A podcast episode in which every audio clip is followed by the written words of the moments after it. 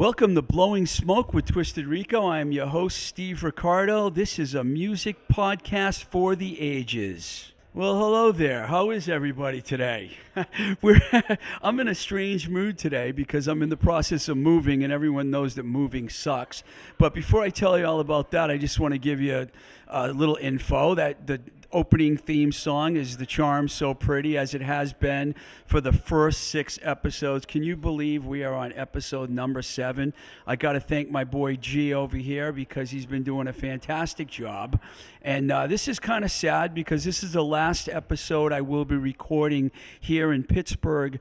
Pennsylvania, in the Bloomfield section of town, at the Great Azorean Cafe where I just had an amazing salad, by the way. Uh, Elsa definitely delivers the good chow, and she came through for me today. So, um, this is going to be kind of a weird episode because what I've been doing every time I record is I've been rec- I've been writing all these notes and creating a little script for myself on my MacBook. But when I drove to Massachusetts the other day, the only two things I really cared about that I didn't want to forget and wanted to bring back with me from my last week here in Pittsburgh was my my pillow that I stole from my mother and father's house. They still haven't really mentioned to me that they noticed I stole their pillow, but I did. And my MacBook, and of course I forgot them both in Massachusetts in my new apartment. So uh, I have scribbled notes on a piece of paper. So this is going to be interesting. And I just wanted to tell you how bad moving sucks if you don't know already. Because I personally, from 1984 to now, have moved from Massachusetts to LA to New York to LA to New York to Boston to LA to Phoenix to Boston to Florida to Maine, back to Mass to PA, and now I'm going back to Massachusetts. So that's seven states. Both of my cats Morrow and Angel City have traveled with me on these trips. I drove all these times and every move, except for the first one. I flew to LA. That was before. Uh, actually, it's not true what I said about my. I had two previous cats, Lennon and uh, Jazz, that actually made a few of those trips with me. But Angel City, who's still with us at age 17, and Morrow, who passed away last year, actually lived in more states than Jazz and Lennon. And why I'm telling you all this information, I have no idea. I told you it was going to be kind of a crazy episode today. Okay, so this week I'm going to talk about a topic that is a favorite of mine compilations. And I know they're not as popular now as they used to be because when I was young, there were certain compilations that I had listened to that kind of paved the way for my interest in them. Comps like This is Boston, Not LA, A Wicked Good Time, Volumes 1 and 2. Those are both all Boston bands, by the way. The Metal Blade compilations, there were a ton of best of Metal Blade, Metal Massacre 1, 2, 3, 4, 5, 6. I think there were like 10 Metal Massacres when I worked at A&M, there was the Carpenters tribute record. I really loved that one.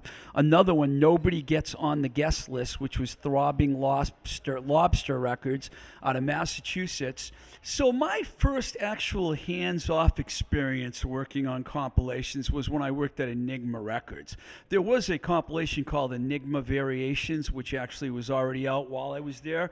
But when we started Restless Records, Scott Vanderbilt – uh, and myself put together a compilation called Restless Variations. It was all bands that we signed to the Restless label, bands like The Outlets, The Neighborhoods, Fear, Dead Milkmen, and and so on. There were a bunch of them. Um, bunch of bands on that. It was a really great experience for me doing that. And it was something that I loved so much that years later, I started putting my own comps out uh, some of them were on the Twisted Rico Recordings label, and one was on the Red Car Records label.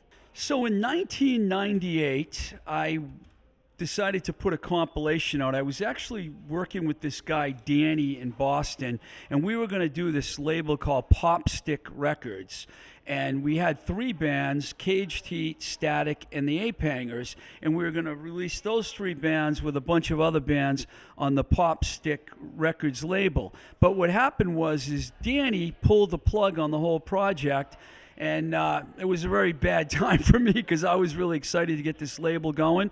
But he decided he didn't want to do it. But I felt bad because I had put all the gotten all the bands together, and I wanted to follow up with it. So I came up with this concept, Twisted Rico Class of '98, and um, it was a pretty incredible project for me. There's 14 songs on it.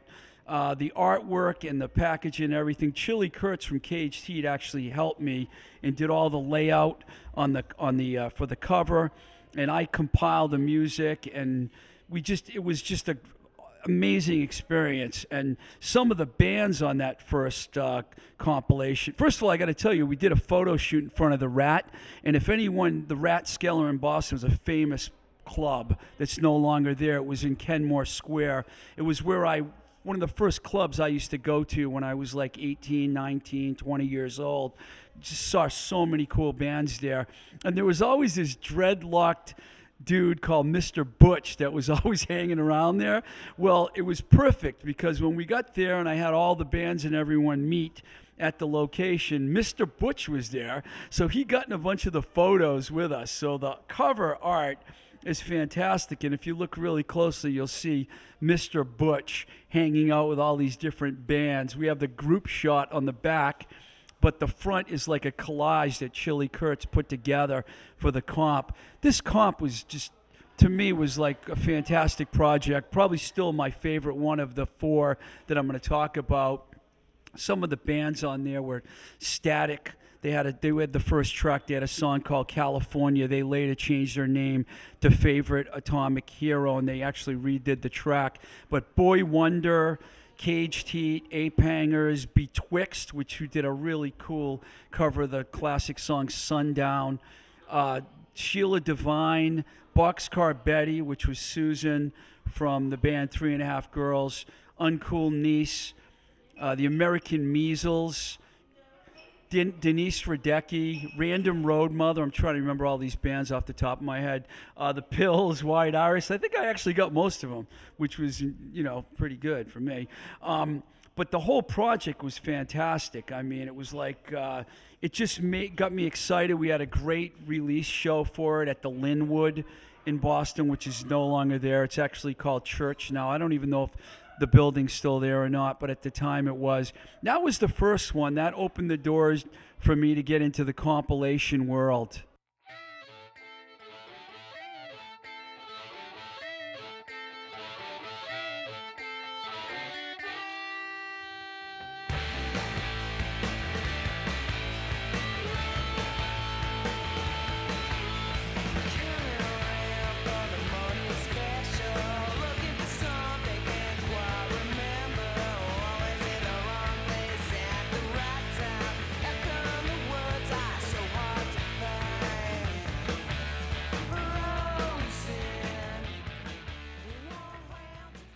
So that went so well, class of 98, that it just made me want to do another one, even though I didn't make any money and I lost money. I think I basically lost money on all the compilations that I released.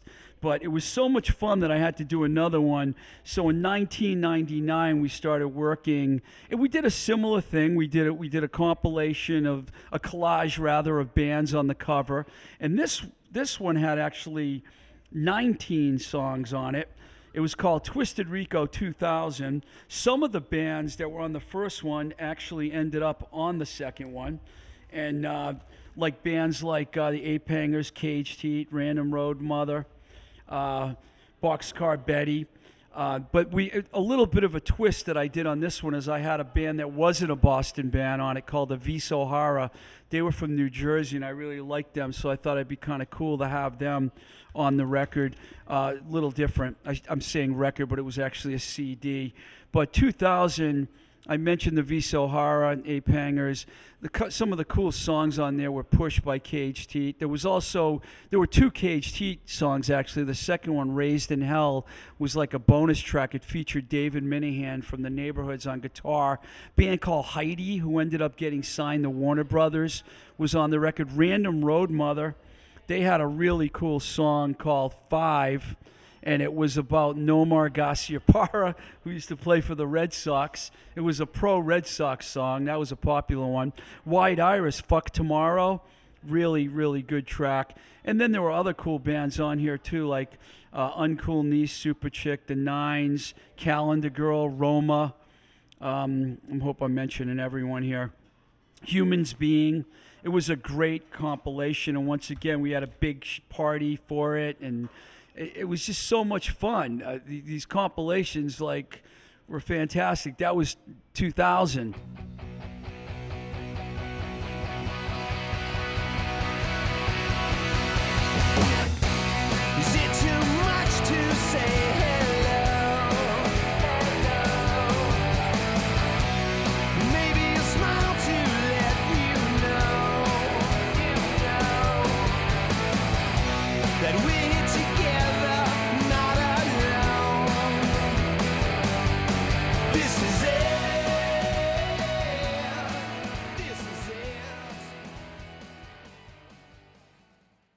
Once again, since that did so well, like a few years later, I decided to release another one, and I released this. This was a funny one because I decided to have pictures of as many of the band's cats on the cover, which the, was the impetus for Twisted Rico's Coolest Cats.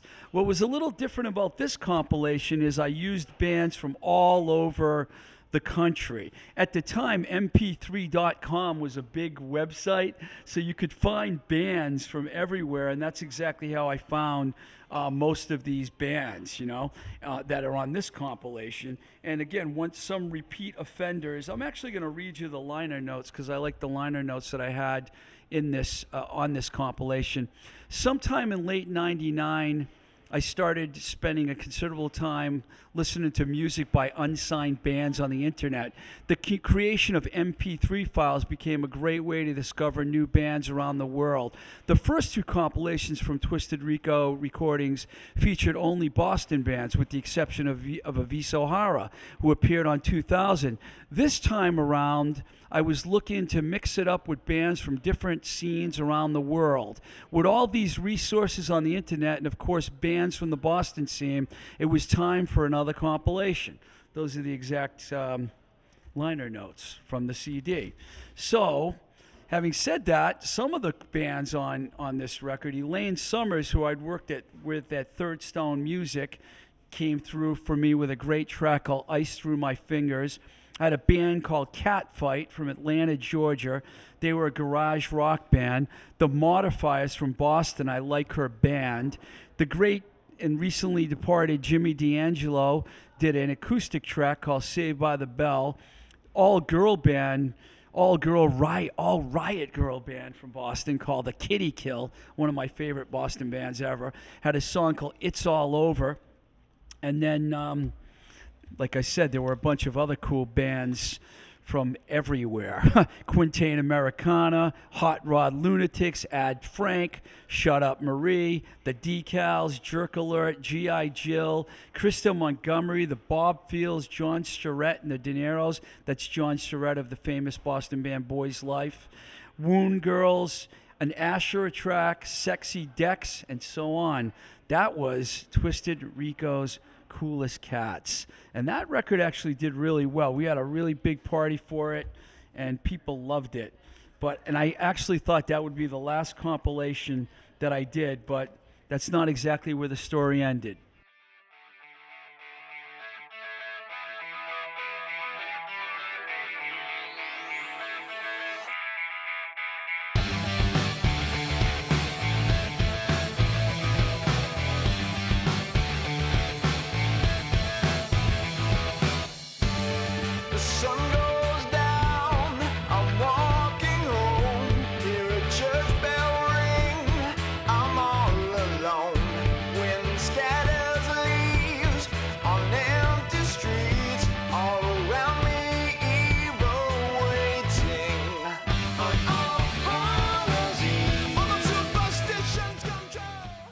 One thing I didn't mention about the Coolest Cats um, record that I wanted to mention is that my old friend Devin Irish from the band Roma, he actually spent a lot of time working on this record with me, along with Chili Kurtz, who pretty much helped me out with every compilation that I did. These these comps were like really well received by the local Boston stations, and then they also got a lot of college radio play.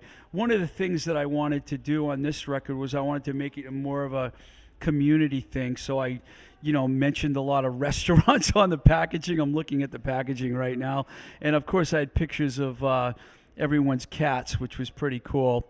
Uh, hence, coolest cats. And at that time, I was also started working with a lot of animal organizations, which has always been a passion of mine. Uh, no kill shelters and I wanted to get them involved too, which I did, and that's why we have all these pictures of cats, and it was really uh, cool. I thought that was going to be the last compilation that I ever released, but uh, years later I got a little hungry, and I wanted to start doing more, and I was working with Red Car Records at the time, a label that I started with the Charms. A couple members of the Charms and a few other cool Boston people that helped um, helped get the label going. And I came up with this idea. I had this really cool photo of Esther Hill, who was in this really cool Atlanta band called Lava Love that I knew in the 90s. And it was a funny picture because I took it through a mirror and I her back of her dress was unzipped and it looked like I had a camera and a reflection off the mirror. I did have a camera. I took a photo with her zipper down on the back of her dress. So I wanted to use that photo and I wanted to do Twisted Rico, the scandalous years. I, I, get come up with these really bizarre ideas. I don't know what made me do that, but the photo we couldn't use it. It wasn't a good enough photo, so we had to do a photo shoot.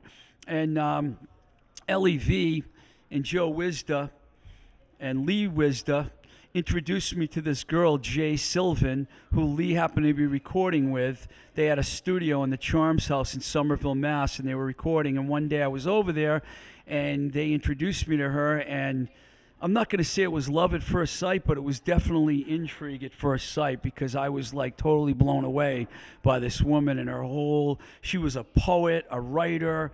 And so she and I worked together on this compilation, and she came up with a concept which we ended up using. Where on the front, she's actually kissing a guy, and then you flip it over on the back, and she's kissing a girl. And they're both very risque shots. And a guy by the name of Caleb Cole uh, did all the photography and everything. So she had a lot to do with this compilation.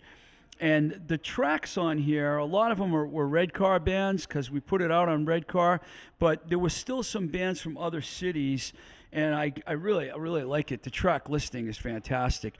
I have Troy Gregory did a song "You Are Somebody." Troy is like you've heard me talk about him before. He was in Flotsam and Jetsam. He was in Prong. He had his own band, The Witches. He played bass in the Dirt Bombs he put a lot of great solo records out, like four or five, I believe. And this song right here, "You Are Somebody," we released on Red Car, and I, that was the opening track.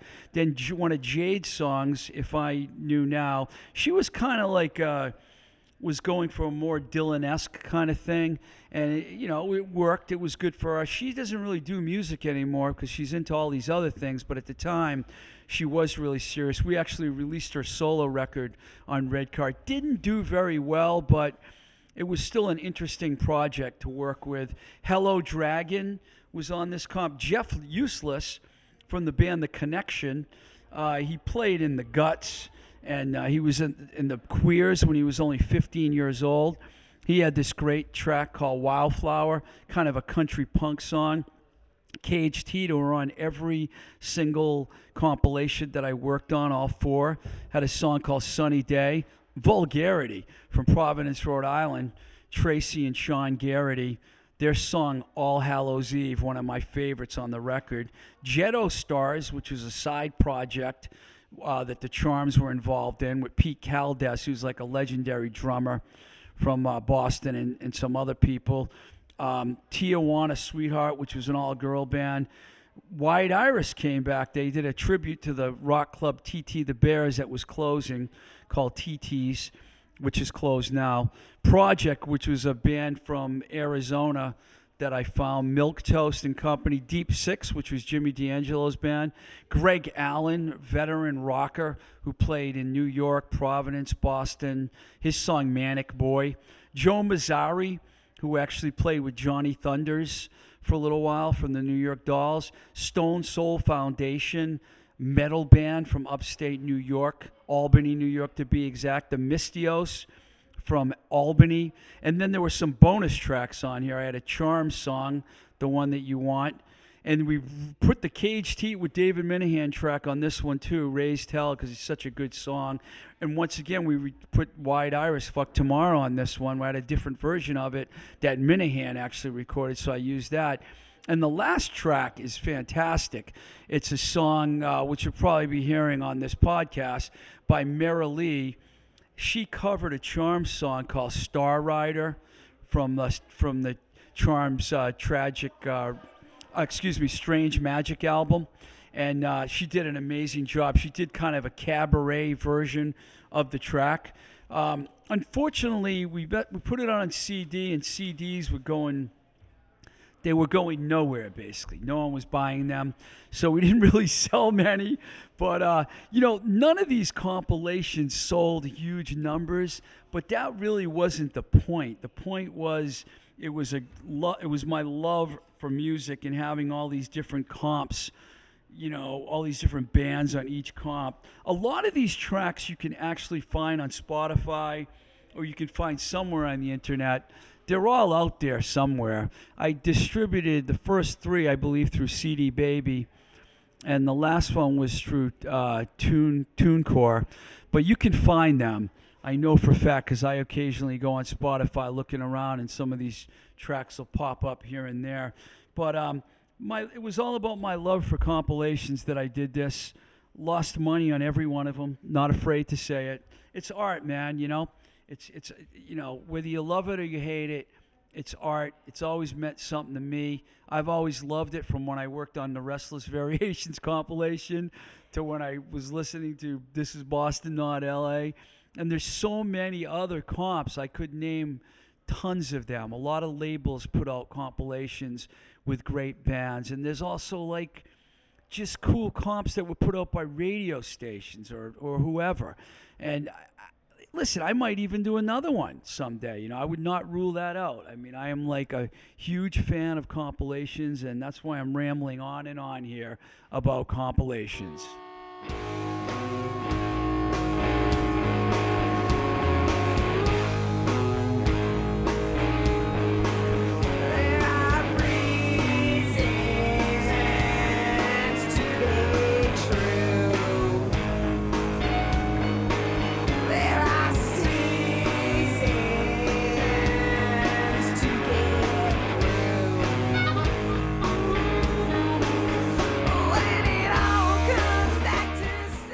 Okay, away we go. Now that I got that all out of my system, there was a couple of things. It's funny. I've been li- listening to some of the the past podcasts. Five, at this point where we are right now, five have been released. The last one was with the homicides, which is just fantastic. Uh, hopefully, you guys have been listening to some of these. You know, the, the first one was mostly like my, my history in the business, and the second one was great because. Um, I used the word phenomenal 19 times. It's funny because when we first recorded episode three, it was the missing episode, the one that disappeared and vanished in thin air. We're still looking for it, but I don't think we're ever going to find it, right, G? But, but uh, I joked about the fact that I used the word phenomenal 19 times, and I meant to re to mention that when we redid number three, but I didn't. And uh, by the time you hear this, you would also have heard one that I did with Zach from Baby Loves Tacos, the sixth episode, where we talked most more about food and stuff. But uh, I'm a little sad, I guess, because I'm moving away from Pittsburgh, and I plan on picking up where I left off and recording uh, more of the Blowing Smoke with Twisted Rico podcast in Boston or in the Boston area or Worcester. There's a lot of cool people up there that I want to get on the show. It's, it was kind of hard for me to get guests here because Pittsburgh's not a huge uh, music scene. It's kind of a small scene. So we just use this opportunity to talk about wacky things like compilations and, you know, things like that. But um, I wanted to talk about Pittsburgh and how I got here and uh, how the whole thing transpired. It was about exactly five years ago in February that my friend Ted Williams, who were who was in the band Eviction that I had signed the Metal Blade in 1989, pretty much convinced me I should give Pittsburgh a try, and he told me I should talk to the people over at Get Hip Records. Uh, Greg Kostelich, who I knew for a while. So I did talk to them, and I came out here a few times, and lo and behold, they offered me a job. I'm not going to give you all the dirt on everything that went down with Get Hip because I have hinted at it before, and people that know me know that it was not a very good experience. It only lasted three months for me. You know, I, I took low money to do the job. I thought it was going to evolve into something better. It didn't. Um, it ended up being a bad experience, and when it was done, I didn't know what I was going to do. I was still here, and I had stopped managing a lot of bands at the time because I wanted to devote all my energy to that label. Didn't work out. But I managed to get a job working for a tour company here, Double Decker Tours, which I actually did in Boston too, sold tickets to like sightseeing tours, and that occupied me in the summers. I baked bread at a place called Donate- Donatelli's, which is ironically right next door to where we are right here at the Azorian Cafe.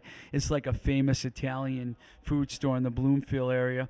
And then I got in the food business even further and started working with the, my friend Ryan at the Rolling Barbecue. And like I'd mentioned in episode six, that's how I met Zach from Baby Loves Tacos. And, uh, you know, I worked there for the last two years. And now, you know, the time came to move on. But while I was here, I did meet a lot of really cool people. I did go to a bunch of different shows. In one of the previous episodes, we did a concert report. Saw a lot of bands here that I always wanted to see, like Arcade Fire was probably the biggest one. Saw some bands that I'd seen before, like the Breeders. Got to see Greta Van Fleet. By the way, I'm going to talk about Greta Van Fleet for a second because I've noticed a lot of people on Facebook talking about them, and most of the feedback on them has been negative. So I'm not going to like jump on the negative bandwagon, even though I kind of have not been very nice to Greta Van Fleet. I remember I was in line going to get my ticket at Will Call for uh, Arcade Fire, and there was a woman in front of me, and she wanted, she asked for Greta Van Fleet tickets, and then the person at the counter said, "Oh, I'm sorry, that's sold out," and I'm thinking, "What? This is a venue that holds six thousand people, stage A and E, and the show is sold out." Now at this point, alls I knew about Greta Van Fleet, this is like last summer sometime. This is about I don't know seven months ago. And I'd heard a little about them, but the only thing I heard was, you got to check out this band. They sound like Zeppelin, you know? So I saw the woman standing on the curb. So I went over and spoke to her, and I said, "I'm excuse me, excuse me, I'm just serious, but why would you want to go see Greta Van Fleet? This woman was probably in her 40s. She goes, "Oh, it's for my daughter and her friends." And I'm like, "How old is your daughter?" And she's like, "16." And that's where something clicked off in my head. My old my A&R part of me was like, "Oh my god, why is 16-year-old kids going to see this band from like nowhere, Michigan, because that's where they're from. I think it's up near Bay City, which ironically is where uh, Question Mark from Question Mark and the Mysterians and this woman by the name of Madonna came from. Not to mention a band that I signed the red car called the Esperantos. If you're hearing noises in the background, which you probably are, we're at the Azorian Cafe, so it does get a little noisy. They always manage to put that blender on right in the middle of our podcast. Gee, is there any reason why they do that? You, you don't have any pull apparently, even though I heard you're the house photographer here now. But it's okay. We're just going to deal with the with the blender. So after this woman said that to me, I was thinking, okay, the show is sold out, but I'm curious now. If 16 year old girls want to see this band, Steve Ricardo wants to see this band because that's how I used to always look at bands that I signed. Do they have a young audience? Young people into them? Do the chicks dig them? If the chicks dig them, like they dug Poison and many other bands I worked with, you got something. So I managed to get a ticket. I found someone that had a ticket. I went and saw them. The place was packed. Surprisingly to me, there were a lot of older people there too. It wasn't all. I was expecting a bunch of kids. You know, I was expecting a bunch of high school kids. I was expecting expecting a bunch of 16 year old girls, since you know this woman was buying uh, tickets for her 16 year old girl. Well, it was a much more bigger audience. They had a horrible opening act. I can't even remember who it was. It wasn't rock at all. I don't. I couldn't understand why that band was on the bill. It was not entertaining at all. I'm glad I can't remember the name because I don't want to really diss them. I spent too much time dissing Radiohead already. I want to try and have some friends out there that you know. Um, so I watched them, and they were pretty good for about four and a half songs. and then after that, they lost me. I didn't even stay for the whole show. So now, a few weeks ago or a month ago, probably by the time you hear this, they were on Saturday Night Live. And people have been ripping them apart, mostly people that I know that are were in the music business or in other bands or whatever, completely ripping them apart. And I got to tell you, it's not as bad as everyone thinks it is. Just because I left after four and a half songs doesn't mean that I didn't think that this band has potential, because they were pretty decent. They weren't a great band. Matter of fact, I remember saying to the guy that was standing next to me, I could name 10 bands in Boston right now that are better than Greta Van Fleet that never got signed to a major label, never even left town. Okay, that's basically what I thought of them at the time. But I'm not going to get on further on this bandwagon and go on every post and thread I see on Facebook, mainly because I'm too busy getting in political arguments on Facebook, which, by the way, I really want to avoid doing in the future, but I can't stop doing it because I'm sucked into it. You know, I was defending AOC all week this week. It's like I got to get out of this political stuff because it's just no there's no future in it. I'd rather stick to the rock and roll, man. That's why I'm here to talk about rock and roll, not politics. But I figured I'd mention that. I'm, I wasn't happy to see everyone destroying that band. And you know what? They probably don't even care and they probably don't even know. Because if you're like 20 years old or 21, however old they are, and you're driving around in a tour bus, man, you're off to a pretty good start with your career. You know, I'm not. This band is not going to be Nickelback. I can tell you that right now. They're. I think they could. I think they'll be cooler than Nickelback. Okay, even though Nickelback sold what four million copies of one of their records, I'm not a fan. But um, I'm not going to start naming. We- here we go again. So back to talking about Pittsburgh. Uh, some of the things I really like about this place, you know, the Andy Warhol Museum. When I first got here, I was going and hanging out with, at Andy's place a lot. It's the only Andy Warhol, Muse- Andy Warhol museum in the whole world, really, and it's a really a fascinating place. So I highly recommend if you ever come to Pittsburgh that you check it out. Matter of fact, all the museums here are pretty good. Carnegie Museum, the Frick Museum. It's like uh, really it's good. It's a good scene for art. A lot of good art here, and uh, that's one thing. And, and as far as food goes, you know, we took we had the food issue last time when we had Zach on. Don't just go to Primanti Brothers. There's other places that you can go here. The pub and chip over on the south side, by the way. I don't know if we mentioned them last time. Really good. Uh, hard to hard to believe I'm saying this because I'm from New England, but the seafood is actually pretty good there. Uh, so I would check that out. Unfortunately, one thing that happened while I was here was the shooting at the Tree of Life uh, synagogue in, in a neighborhood that I think is one of the most beautiful neighborhoods in the whole country, Squirrel Hill. And that really tore the community apart. And um, I, I, I, I'm not going to end on that sad note, but that was really a sad situation, and it's very unfortunate that it happened. And I seriously hope that we can address some of the gun issues that are going on, and we, we have to prevent things like this from happening because it was just. I felt so bad for that community. It took a long time to recover. They're not really recovered yet. It's been months, but that neighborhood was shut down for weeks. You couldn't even go over there, so it was pretty sad. But to try and bring, things up to a, a better point here, I want to also mention that uh, our sponsor is JLS Design, 187 Main Street, Leicester, Mass. Uh, very close to Worcester, the Cherry Valley section of town. They do custom screen printing and embroidery. It's a great place for all kinds of companies and schools and bands, especially, and to get their T-shirts, hats, hoodies, etc. Uh, if you want to check them out online, it's jlsdesignprinting.com, and you can reach them at jlsdesignsales at gmail.com. And uh, once again, I want to thank the Azorian Cafe because all the first seven episodes of Blowing Smoke with Twisted Rico are recorded here. I really appreciate Elster and the staff letting me come in. They won't turn the blenders off when I'm here, but that's okay because this is it.